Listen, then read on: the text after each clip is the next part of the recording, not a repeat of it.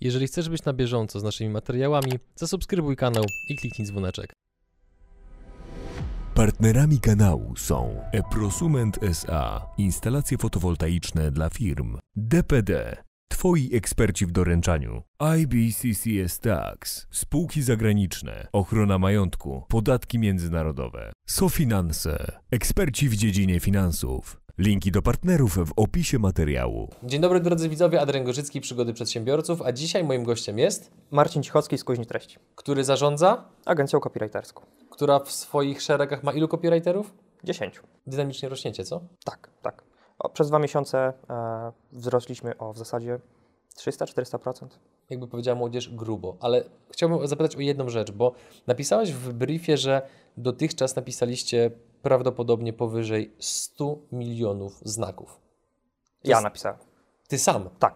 To zarazem z copywriterami to ile to będzie? Pewnie wielokrotność. Miriady. Nie wiem, nie, nie mam pojęcia. To się nie mieści w głowie taka liczba. No i teraz jakby wybacz pytanie, które może być e, trochę ofensywne, ab- absolutnie to nie jest moją intencją, ale stając w imieniu tej części widowni, która się zastanawia, po co mi w ogóle copywriting, po co copywriter przecież uczyli nas języka polskiego w szkole. To co byś im powiedział? Po co jest przedsiębiorcy copywriter? E, przede wszystkim powiedziałbym, żeby zapomnieć to, czego uczyła nas pani polonistka w szkole, e, bo język, którego się uczyliśmy w szkole, nie przekłada się na to, jak teraz czytamy, jak konsumujemy treści, e, w jaki sposób gromadzimy informacje i je przetwarzamy. Mhm.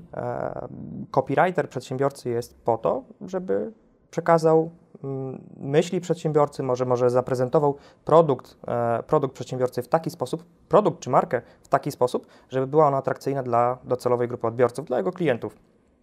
E, Bardzo często spotykam się z tym, że przedsiębiorcy no, cierpią na klątwę wiedzy, wobec czego nie umieją wejść w buty swojego klienta, nie umieją zaprezentować swojego produktu w taki sposób, w który, e, który byłby atrakcyjny dla ich docelowej grupy odbiorców, który Mhm. byłby zrozumiały dla nich. Czyli jeżeli sprzedaje na przykład e, no nie wiem, wiertła diamentowe ze stali HSS, jakieś tam tak dalej, tak dalej, to klient nie chce kupić tych wierteł, jakichś nie wiadomo jakich, o skomplikowanej nazwie, tylko chce kupić dziurę w ścianie. Tak? Chce kupić rezultat, chce kupić korzyść. I przedsiębiorcy mają problem z tym, żeby te korzyści uwypuklać. Em, Częściej skupiają się na zaletach swoich produktów niż na faktycznych korzyściach dla swoich klientów. Nim przejdziemy dalej, to powiedz mi jeszcze proszę, czy copywriting, bo wielu tak, wiele osób tak uważa, zwłaszcza jak e, robiłem taki drobny mm, e, research, mówiąc po polsku, przed rozmową z Tobą, że copywriting bardzo często jest kojarzony przede wszystkim ze sprzedażą. Czy tak faktycznie jest? Czy Wasi klienci przede wszystkim do Was się zwracają, kiedy chcą mieć teksty sprzedażowe? Czy może też jest jakaś inna pula tekstów, które też u Was zamawiają? Generalnie jest tak, że e, starzy wyjadacze copywritingu uważają, że copywriting to jest czysto, to, czysto teksty sprzedażowe. E, copywriter tworzy tylko teksty sprzedażowe. No i tak i nie, bo mm, z jednej strony to w ogóle co- copywriting wywodzi się z lat, w których e, treści miały za zadanie wyłącznie sprzedawać. W reklamach, w gazetach, w radio, czy na początku właśnie w telewizji, jak, jak ra- raczkowała telewizja. Formy docierania do e, odbiorców e, bardzo mocno wy, wyewoluowały, zmieniły się, e, wobec czego i copywriting się zmienił, więc teraz te teksty mm, również mają za zadanie sprzedawać, ale robią to, robią to trochę w subtelny sposób, w bardziej subtelniejszy sposób, subtelniejszy sposób. E, Jakiś przykład? no, chociażby UX Writing, który teraz jakby staje się coraz popularniejszy. To są UX Writing to są teksty e, pisane na potrzeby produktów cyfrowych, aplikacji, systemów e, CMS, ERP, e, różnego rodzaju mm, produkty cyfrowe. Mhm. I mikrokopii tworzone w ramach UX Writingu to są wszystkie, wszystkiego rodzaju, różnego rodzaju komunikaty, e, m, pop-upy, alerty i tak dalej, i tak dalej. I świetnie można sprzedawać właśnie ze względu, tworząc, e, angażując w to mikrokopii, na przykład wyświetlając e, użytkownikowi, który ma zainstalowaną aplikację na telefonie, pop-up z promocją, pop-up z, z jakimś eventem e, Mhm. i tak dalej, i tak dalej. Nie? To takie bardziej subtelne, subtelna forma sprzedaży. E, Poza tym dochodzą różnego rodzaju treści wizerunkowe, teksty blogowe, teksty eksperckie, które bezpośrednio e, nie mają za zadanie sprzedawać, ale gdzieś tam pozycjonują się w umyśle e, klientów, potencjalnych odbiorców na różnym, różnych etapach lejka sprzedażowego, Mhm. e, ocieplając wizerunek marki i pozycjonując markę w ich umysłach i prowadząc bezpośrednio do sprzedaży. Mhm. Tylko może nie bezpośrednio przed e, tym etapem samej sprzedaży, samej konwersji, tylko może na wcześniejszych etapach, nie? E, one działają na odbiorcę. Przed rozmową, pozostając jeszcze w temacie specyficznych tekstów, przed, przed naszym wywiadem powiedziałeś o tym, że dla swoich czytelników zrobiłeś konkurs. Tak, tak. Chciałbym, żebyś o tym powiedział, jeżeli możesz, ponieważ, drodzy widzowie, m, wydaje mi się, że można stwierdzić, że nie ma zagadnień, tematów, które jest trudno opisać, jest tylko brak wyobraźni. Zgodziłbyś się z tym? Tak. E, wielu klientów uważa, że mm, mają trudną branżę, nieciekawą branżę, e, natomiast stara, starałem się to w jakiś sposób odczarować, umieszczając w książce, w swojej książce test na copywritera i jednym zadaniem, e, jednym z zadań e, w tym teście było e, opisanie klej, klejmu e, szamba dwukomorowego. Czyli hasło reklamowe. Tak, Hasła, hasła reklamowego e, Mhm. szamba dwukomorowego.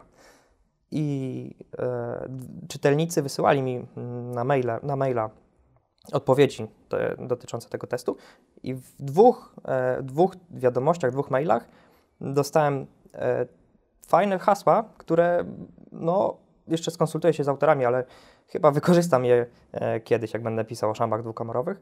Jedno hasło dotyczyło, no jedno hasło brzmiało tak, e, że nie przelewać się, od czego masz szambo dwukomorowe. Mhm. A drugie, nasze szambo pokochasz całym sercem. W końcu ono też ma dwie komory. Bardzo kreatywne, bardzo. Ale wracając jeszcze- do jakby copywritingu w kontekście właśnie przedsiębiorców. To jest program, który przede wszystkim oglądają przedsiębiorcy, a my staramy się naszymi odcinkami przybliżać różne dziedziny biznesu, żeby przedsiębiorcy potem wiedzieli, czy w ogóle jest sens z nich korzystać. I wielokrotnie ja się spotkałem z taką sytuacją, ty pewnie też, że wiele firm ma na swoich stronach internetowych tekst w stylu naszą pasją jest e, obsługa klienta i tak dalej, i tak dalej. Czyli tak, tak turbogeneryczny, że de facto można go przypisać praktycznie w większości branż. No i zakładam, że wy raczej przedsiębiorców leczycie właśnie z tego typu biednej komunikacji, ubogiej komunikacji, tak to, tak, to, tak to ujmijmy. Natomiast chciałbym, żebyś- żebyśmy jeszcze bardziej podrążyli temat, dlaczego przedsiębiorcy mieliby korzystać z usług copywritera. E, tak, wiesz, ja mm, staram się, cały czas staram się wyjmować kij z tyłka e, firmom, markom, Mhm. które w taki sposób właśnie chcą się komunikować. Jesteśmy najlepsi, szyte na miarę rozwiązania, e, Mów profesjonalne doradztwo Tak i tego jest. typu Cudowne. słowa wydmuszki. Mhm. I najgorsze jest to, że nadal wiele firm, zwłaszcza firm z danych różnych nisz, Mhm. na przykład z sektora przemysłowego, budowlanego, one chcą tak się komunikować, bo komunikują się tak wszyscy naokoło, bo oni uważają, że tak jest bezpiecznie, tak jest e, fajnie i nic nie zmieniajmy. No i wobec czego wchodzisz na taką stronę, załóżmy, no nie wiem, kuźni, która walcuje teksty na gorąco i czytasz, że mają rozwiązania szyte na miarę i tak dalej, profesjonalne doradztwo, Mhm. najlepszej jakości produkty i tak dalej. I się nie dowiadujesz z tego. To, to są takie to są takie przezroczyste słowa, które, którymi można opisać każdą działalność e, i jednocześnie żadnej wartości merytorycznej ze sobą nie, nie niosą. Ale e, wracając do pytania, tak jak już wspomniałem wcześniej, przedsiębiorcy mm, bardzo często nie umieją odciąć się emocjonalnie od swoich produktów, swoich marek firm, Mhm. przez co nie są w stanie przekazywać informacji e, swoim klientom, swojej, naj, którzy najczęściej są zwykłymi zjadaczami chleba, jeżeli mówimy o rynku B2C, Mhm. e, i nie są, nie są w stanie przekazywać tych informacji e, w sposób zrozumiały dla konsumenta, wobec czego e, te teksty nie trafiają, nie konwertują, czyli nie sprzedają, e, nie są wartościowe dla odbiorców.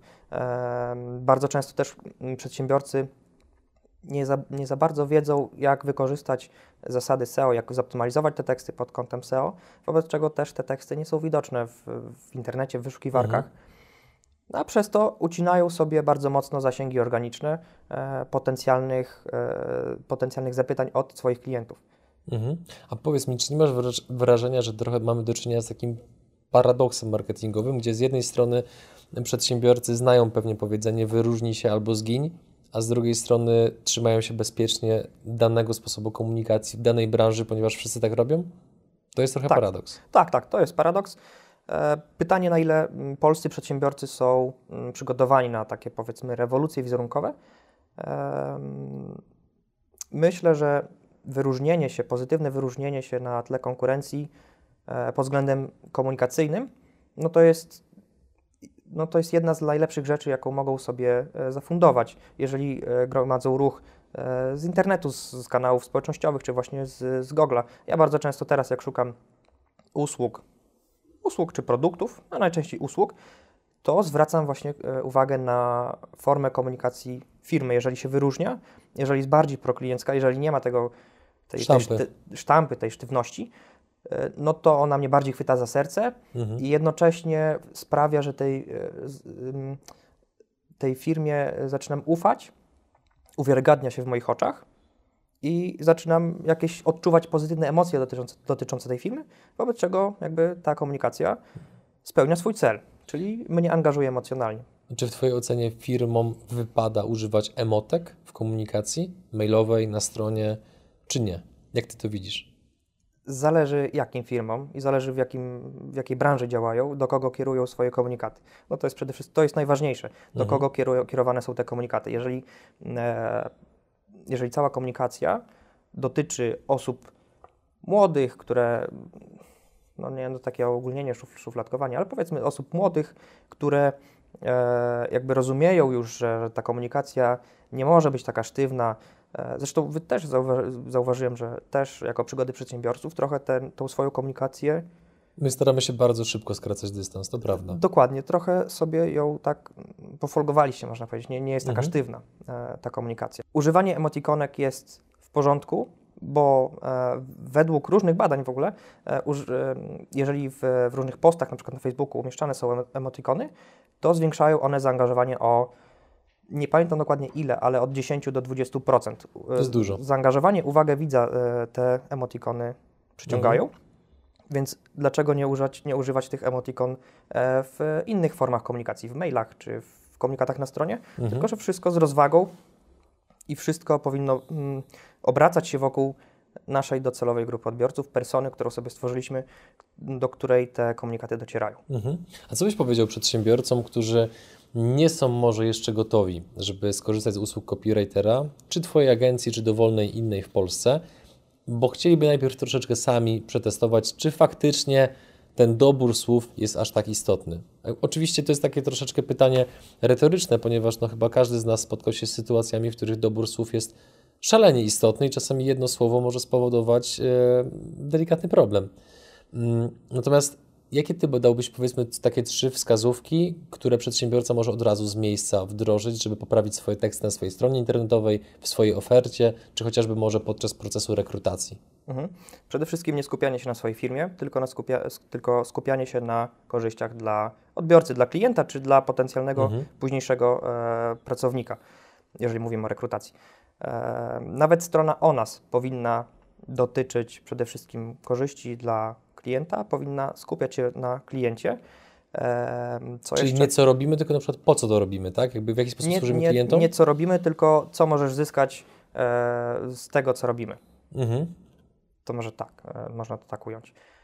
Co jeszcze? Myślę, że mm, przede wszystkim nacechowanie swoich komunikatów językiem korzyści, czyli właśnie wspomniane e, punktowanie tych korzy- korzyści z lekkim obniżeniem e, istotności zalet tych produktów. Mhm. Dużo firm się skupia na tych zaletach, a powinny się skupiać na, powinny się skupiać na korzyściach. Podaj jakiś przykład właśnie zalet versus jak to powinno faktycznie brzmieć.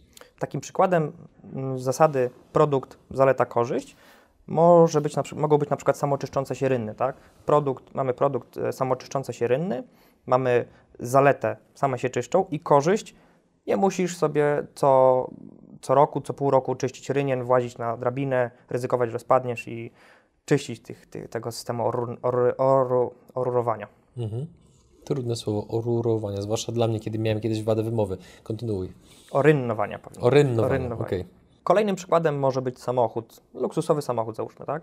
E, Produktem jest ten samochód, cechą jest to, że jest szybki, wygodny, komfortowy, a korzyścią jest na przykład to, zależy jeszcze do jakiej grupy docelowej docieramy, ale Jasne. korzyścią może być mm, posiadania takiego samochodu to, żeby sąsiadowi zbielały oczy, albo żeby wygodnie To jeździć. dla Polaków, niektórych Polaków, to pewnie jest istotny element. Tak, tak. E, Właśnie często problemem jest, e, jest to, że mm, przedsiębiorcy, nie opisując swoje produkty, nie doszukują się tych realnych motywatorów zakupowych, tych e, realnych korzyści, które osiągają klienci kupując te, te produkty. Przykład może być, przykładem może być szkoła tańca, o której kiedyś wspomniał Artur Jabłoński, Mhm. e, z tego co pamiętam.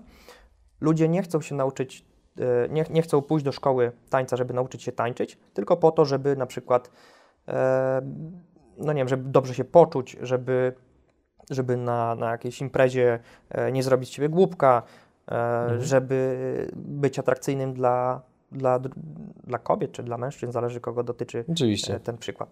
Mhm. Tak? To, to jest realny motywator, nie to, że umiem tańczyć. Jakie są jeszcze inne wskazówki, które przedsiębiorcy mogliby tak z miejsca wdrożyć? Teraz powiedz mi proszę, czy to, co pamiętam, pamiętam właściwie, czy może źle zapamiętałem, mm, czyli że lepiej jest stosować krótkie zdania w formie czynnej, aniżeli rozbudowane w formie biernej, która podobno w wielu tekstach właśnie, które przedsiębiorcy umieszczają na swoich stronach czy w ofertach występuje. Jak to jest? Tak, no to są dwa aspekty, na które zwrócić uwagę. Przede wszystkim to, żeby stosować krótkie akapity, e, składające się z dwóch, trzech zdań. To też jest wygodne mm, z perspektywy tego, że większość treści konsumujemy na, konsumujemy na smartfonach, Tak. wobec czego ta treść się zwęża, e, no i jednocześnie akapit się wydłuża, wobec czego mm, krótkie akapity raz, że e, ułatwiają zrozumienie, e, zrozumienie wątku, mm, o którym, którym mówi ten akapit, e, a poza tym e, trudniej się zgubić, zgubić wzrokiem, jeżeli czytamy taką Mhm. treść poszatkowaną na te, na te krótsze akapity.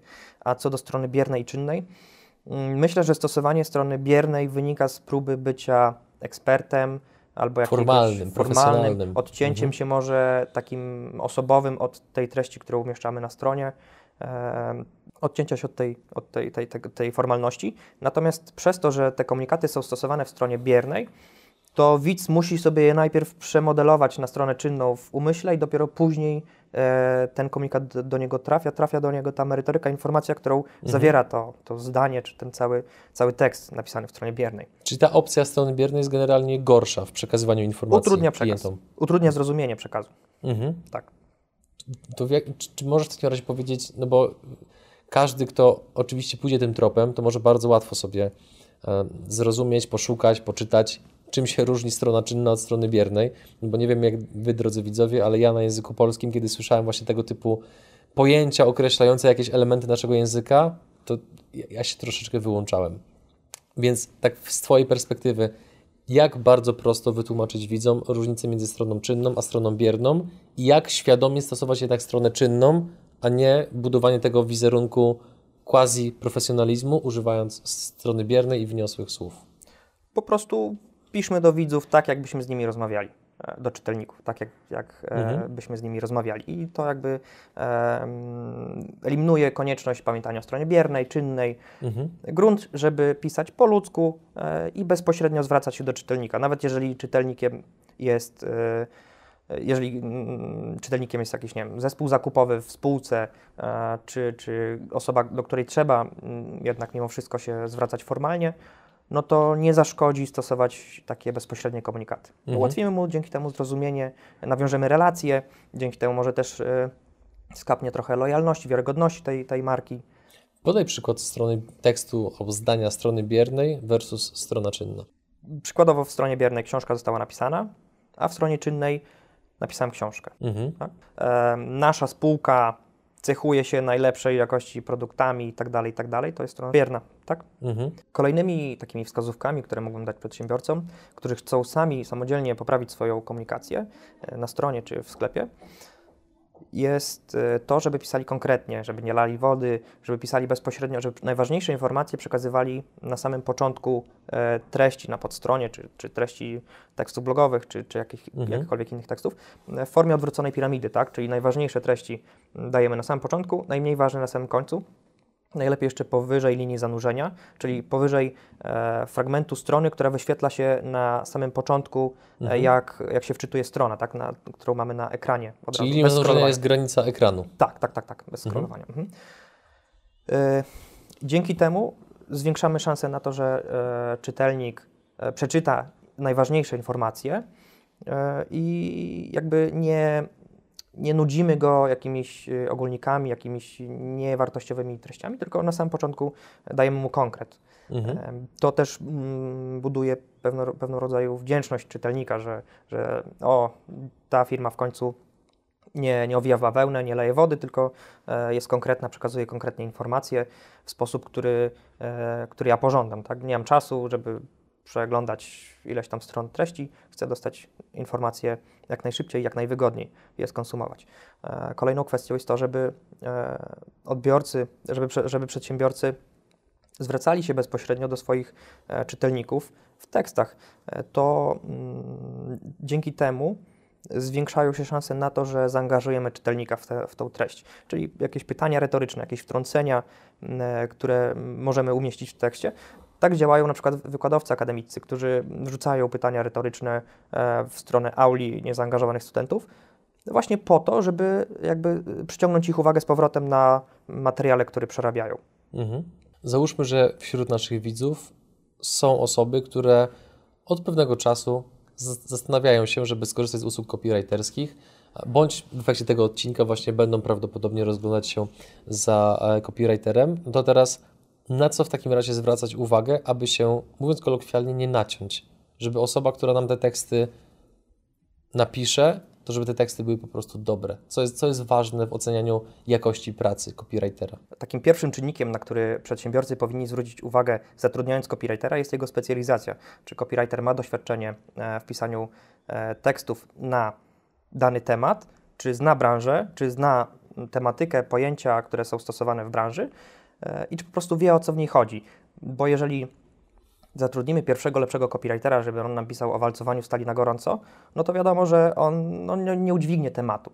I specjalizacja jest e, często ważniejsza nawet niż znajomość zasad SEO czy pisania językiem korzyści, bo mm, takim nadrzędnym, moim zdaniem, nadrzędnym takim czynnikiem, który e, określa, czy treść jest dobra, jest to, czy jest użyteczna dla odbiorcy. Bo jeżeli treść jest użyteczna dla odbiorcy, odpowiada na pytania użytkowników, internautów, no to jednocześnie też będzie wysoko rankowała w wyszukiwarce.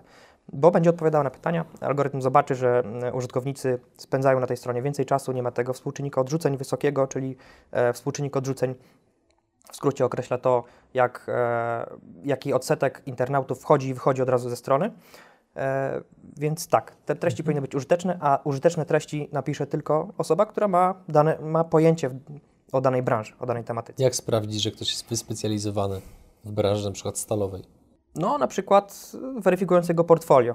Tylko tutaj też warto uważać, bo mm, obserwuję często taki trend, że copywriterzy podają fajkowe portfolio. Nieprawdziwe, zmyślone, link, e, podsyłają w, w zgłoszeniach linki do tekstów, które nie napisali, których nie napisali oni. Mhm. I tutaj tak na dobrą sprawę ciężko jakoś odsiać, czy zweryfikować, czy to są teksty jego, czy, czy nie jego. Mm, Dlatego dobrze, dobrze zatrudniać copywriterów, którzy mm, mogą pochwalić się tekstami, pod którymi mogą się podpisać. E, czyli mają jakąś stopkę, stopkę autorską, e, czy no tak, no, w zasadzie stopkę autorską, inaczej nie można ich zweryfikować Mhm. to są ich teksty. Poza tym e, warto też zwrócić uwagę na formę rozliczenia.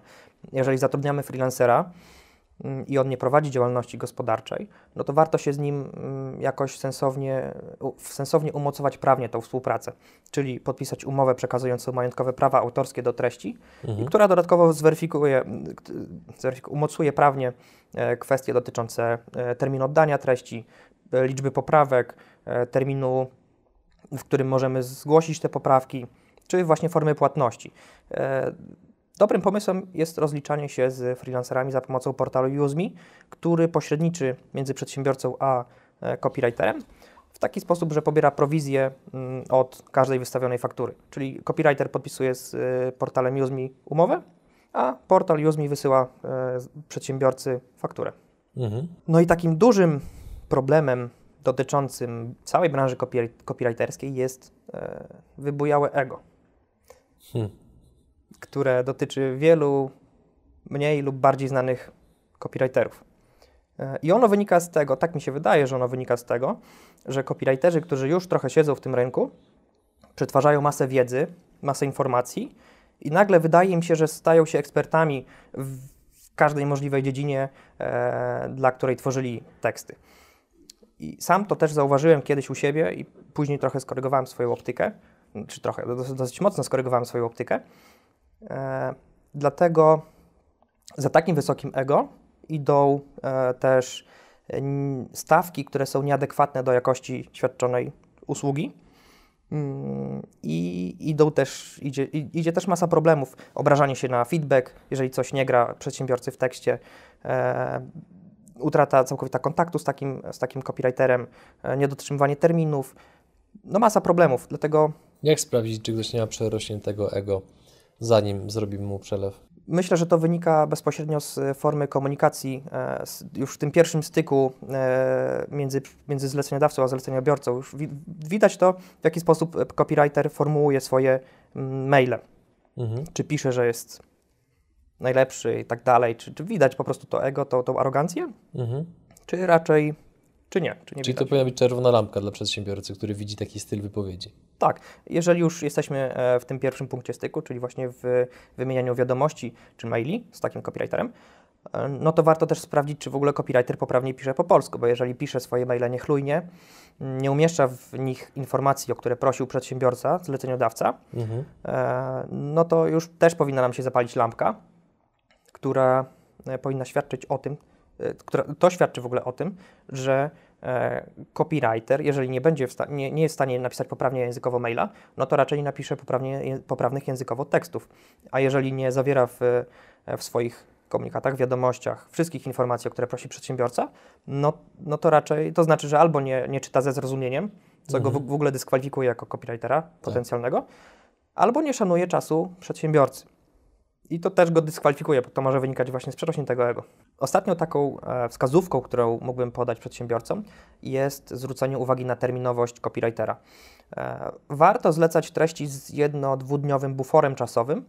Dzięki temu e, minimalizu minimalizujemy ryzyko, że copywriter mm, pośliźnie się, z, dostarczy te teksty z lekkim opóźnieniem czasowym, co nam z kolei nie zaburzy całego workflow, tak? całego, e, całej współpracy z innymi e, usługodawcami, mhm. usługobiorcami.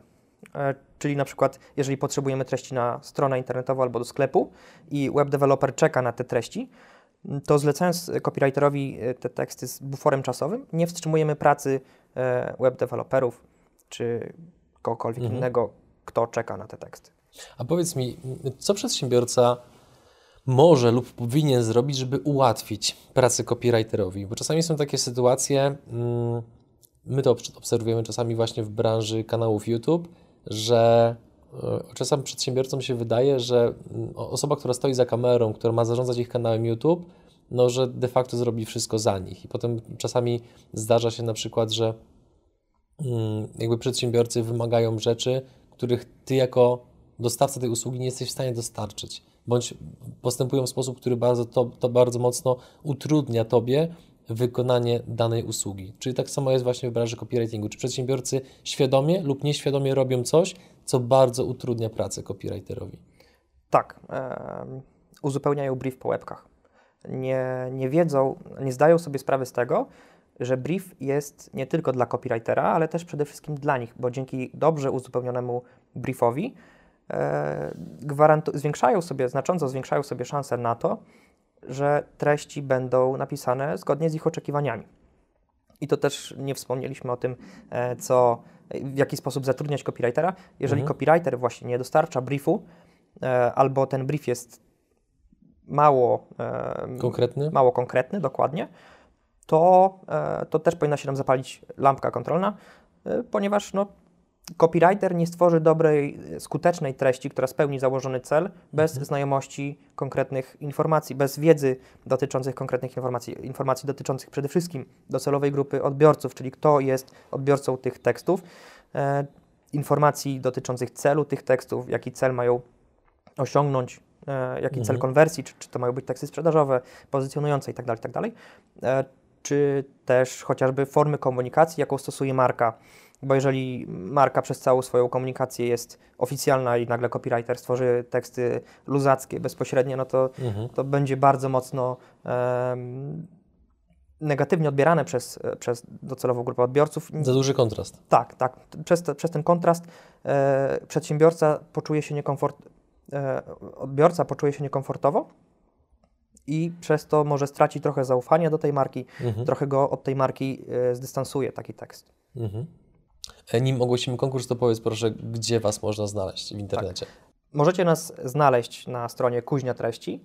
E, Dodatkowo jestem autorem książki Zawód Copywriter, zacznij zarabiać na pisaniu. E, I niedawno stworzyłem kompleksowy kurs copywriterski, kurs Lepszy Copywriter. Powiedz proszę, jakie jest y, pytanie konkursowe i co będzie nagrodą? Pytanie konkursowe jest takie. Jakie, jaki slogan e, wymyślicie e, dla przygód przedsi- przedsiębiorców, dla kanału Przygody Przedsiębiorców? Będziemy wybierali po prostu te odpowiedzi, które będą najbardziej kreatywne, zarówno w ocenie Marcina, jak i naszej. A co będzie nagrodą? Główną nagrodą jest kurs Najlepszy Copywriter, e, którym jest, którego jestem autorem. A nagrodami pocieszenia? A nagrodami pocieszenia są e, dwa egzemplarze mojej książki Zawód copywriter, zacznij zarabiać na pisaniu.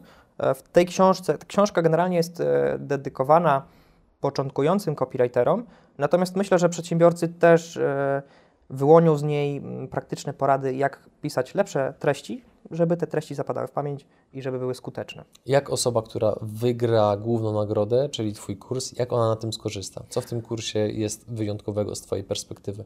E, No, umieściłem tam całe swoje know-how dotyczące tego, w jaki sposób tworzyć dobre, skuteczne treści. Kurs generalnie jest też aktualizowany co jakiś czas, więc wpadają do niego nowe lekcje. Mm, I on jest tworzony w takiej formule od zera do bohatera, wobec czego e, i początkujący copywriter, adept w zasadzie, adept copywritingu i przedsiębiorca em, są w stanie wyłonić z niego mm, mnóstwo wartościowych informacji, które mogą przełożyć na swój biznes, czy na późniejszą drogę zawodową, jeżeli mówimy o copywriterze. Super. Marcin, e, bardzo Ci dziękuję za e, rozmowę. Mm, Dziękuję.